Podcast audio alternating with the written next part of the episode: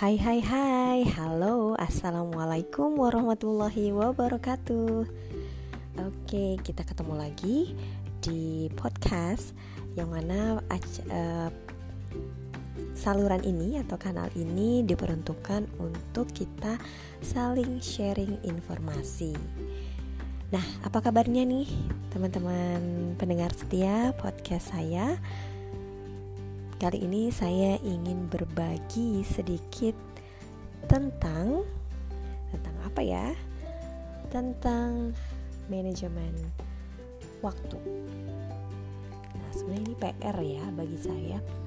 Manajemen waktu yang kadang-kadang masih suka kelewat atau masih suka abai begitu ya. Namun saya banyak mempelajari beberapa hal dari kegiatan yang saya ikuti dan uh, saya coba aplikasikan dalam aktivitas saya. Nah, yang pertama yang sangat menurut saya cukup krusial itu adalah bahwa kita uh, memorinya itu gak besar kapasitasnya. Jadi um, di satu sisi memorinya tidak terlalu besar kapasitasnya. Namun hal-hal yang perlu diingat itu banyak banget. Ya baik itu nama orang aktivitas yang akan kita jalani dari hari ke hari atau beberapa waktu ke depan kemudian mungkin janji-janji yang kita sampaikan ke orang lain atau mungkin termasuk di dalamnya informasi-informasi atau pengetahuan yang awalnya harus kita hafal kemudian kita pahami begitu. Nah, itu kan butuh kapasitas memori yang besar. Dan dengan uh, jumlah input informasi yang harus terekam itu banyak sehingga terkadang itu akan memberikan pengaruh terhadap uh, manajemen waktu kita. Oke, baik, tanpa panjang lebar, saya hanya ingin menyampaikan sedikit tips uh, yang digunakan dalam manajemen waktu. Nah, ini saya ambil dari eh, catatan-catatan uh, yang saya ikuti begitu ya. Jadi ini bukan kreasi saya gitu ya. Oke, kita gunakan metode yang uh, digunakan untuk manajemen waktu yang efektif. Salah satunya adalah dengan metode SMART. Nah, apa sih metode SMART itu? SMART itu kan cerdas gitu ya. Jadi harapannya dengan metode ini kita bisa cerdas dalam memanajemen waktu. Oke, okay, SMART itu sebenarnya uh, akronim dari yang pertama adalah spesifik. Spesifik. Jadi dalam melakukan sebuah perencanaan, maka kita harus tetapkan rencana itu yang spesifik dan jelas. Sehingga kemudian kita bisa fokus untuk melakukannya, menyelesaikan atau meraih rencana tadi. Jangan lupa dari rencana yang spesifik itu kita juga harus tetapkan langkah-langkah konkret untuk mencapainya. Apa saja sih? Misalnya, saya ingin pergi ke pasar untuk belanja. Belanjanya belanja apa aja? Oh, belanjanya sayuran. Belanja lauk pauk, ayam, ikan, belanja bumbu dapur, belanja peralatan. Dapur misalnya eh, apa eh, kualinya kurang gede jadi pengen beli yang lebih gede. Nah setelah dicatat tadi apa saja barang yang akan kita belanja dan kita sudah menentukan tujuan kita itu adalah pasar X maka kita akan ke pasar X dan menuju ke tempat-tempat yang menjual barang-barang tersebut.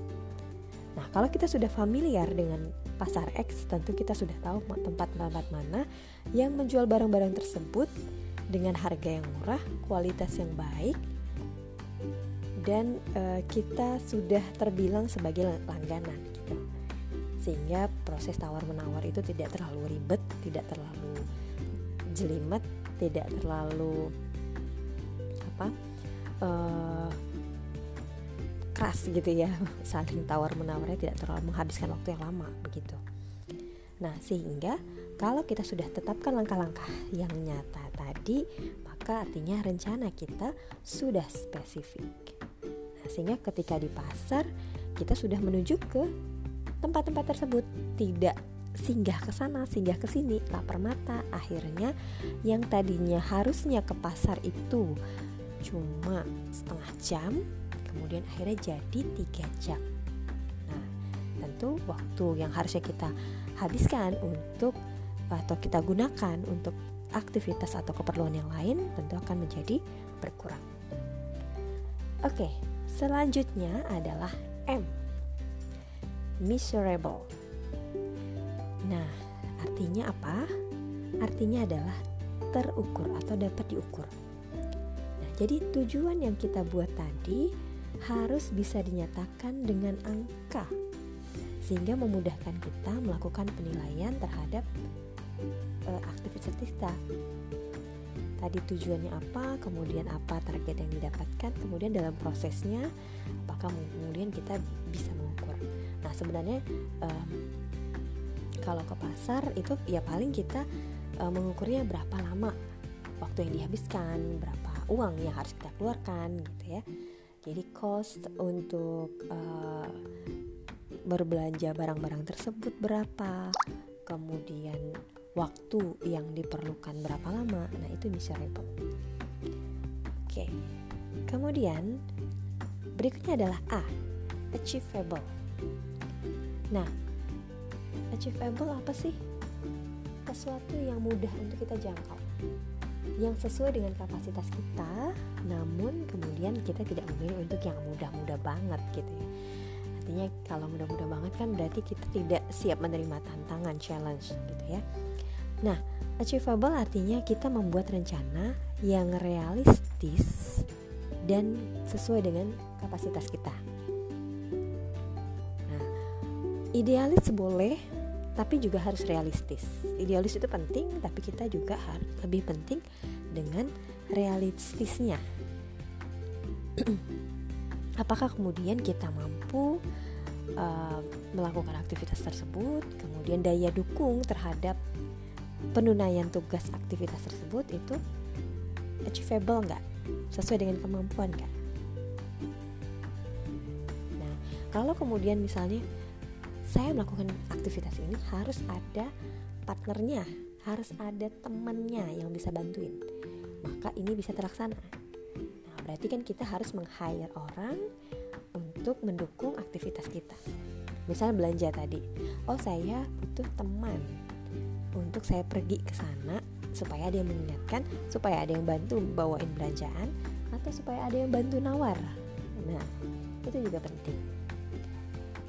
Atau dimintai pendapat bisa juga. Kan kadang kalau kita belanja sesuatu misalnya pakaian gitu ya kadang kita butuh teman untuk dimintai uh, pendapat. Menurutmu bagus nggak? Aku pakai ini.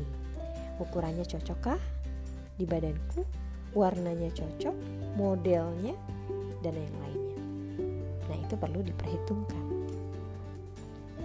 Yang berikutnya adalah R relevan kita harus memastikan bahwa rencana yang sudah kita buat sesuai dengan kebutuhan dan prioritas hidup kita. Nah, kalau belanja tadi untuk makan, tentu itu sesuai ya dengan kebutuhan dan itu prioritas. Karena misalnya orang-orang di rumah hanya bisa makan masakan sendiri nggak suka jajan di luar. Nggak bisa. Beda rasanya beda lidahnya misalnya begitu tapi kemudian jika uh, ternyata kita membutuhkan waktu yang terlalu panjang untuk aktivitas ini dan kemudian kita bisa siasati dengan yang lain misalnya sehingga kemudian akhirnya belanja sayuran dan seterusnya itu bisa kita gantikan dengan pilihan yang lain sesuai dengan tujuan.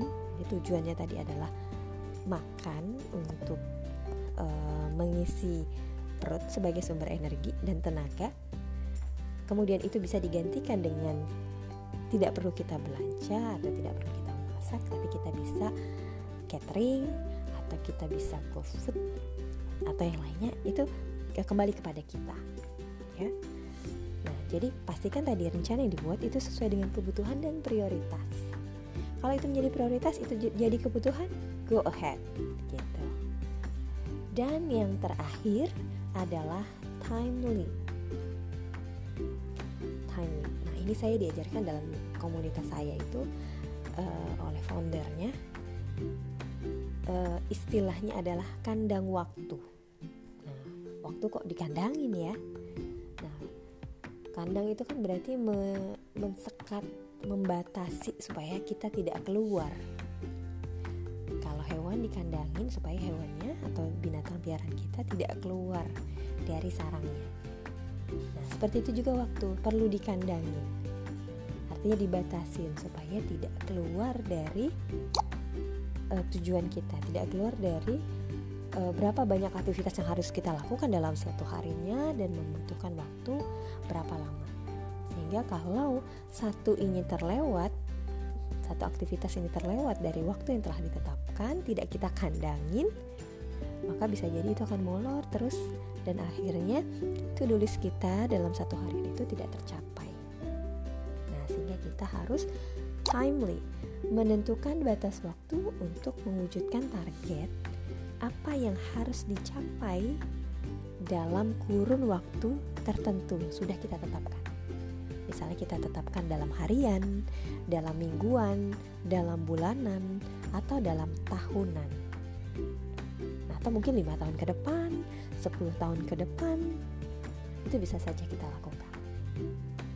Nah, itu metode SMART ya. Jadi metode SMART ini sebagai salah satu tips untuk memanajemen waktu yang efektif. Nah, banyak saya rasa tips-tips lainnya untuk manajemen waktu yang efektif dan itu mungkin nanti bisa kita uh, review, kita bisa bahas di podcast selanjutnya. Oke, cukup sekian dari saya, semoga bermanfaat dan uh, di sini saya tidak menggurui, tapi saya juga belajar karena semua guru, semua murid. Terima kasih telah mendengarkan dan menyimak uh, informasi podcast saya. Semoga bermanfaat. Sampai jumpa di lain waktu. Assalamualaikum warahmatullahi wabarakatuh. Bye.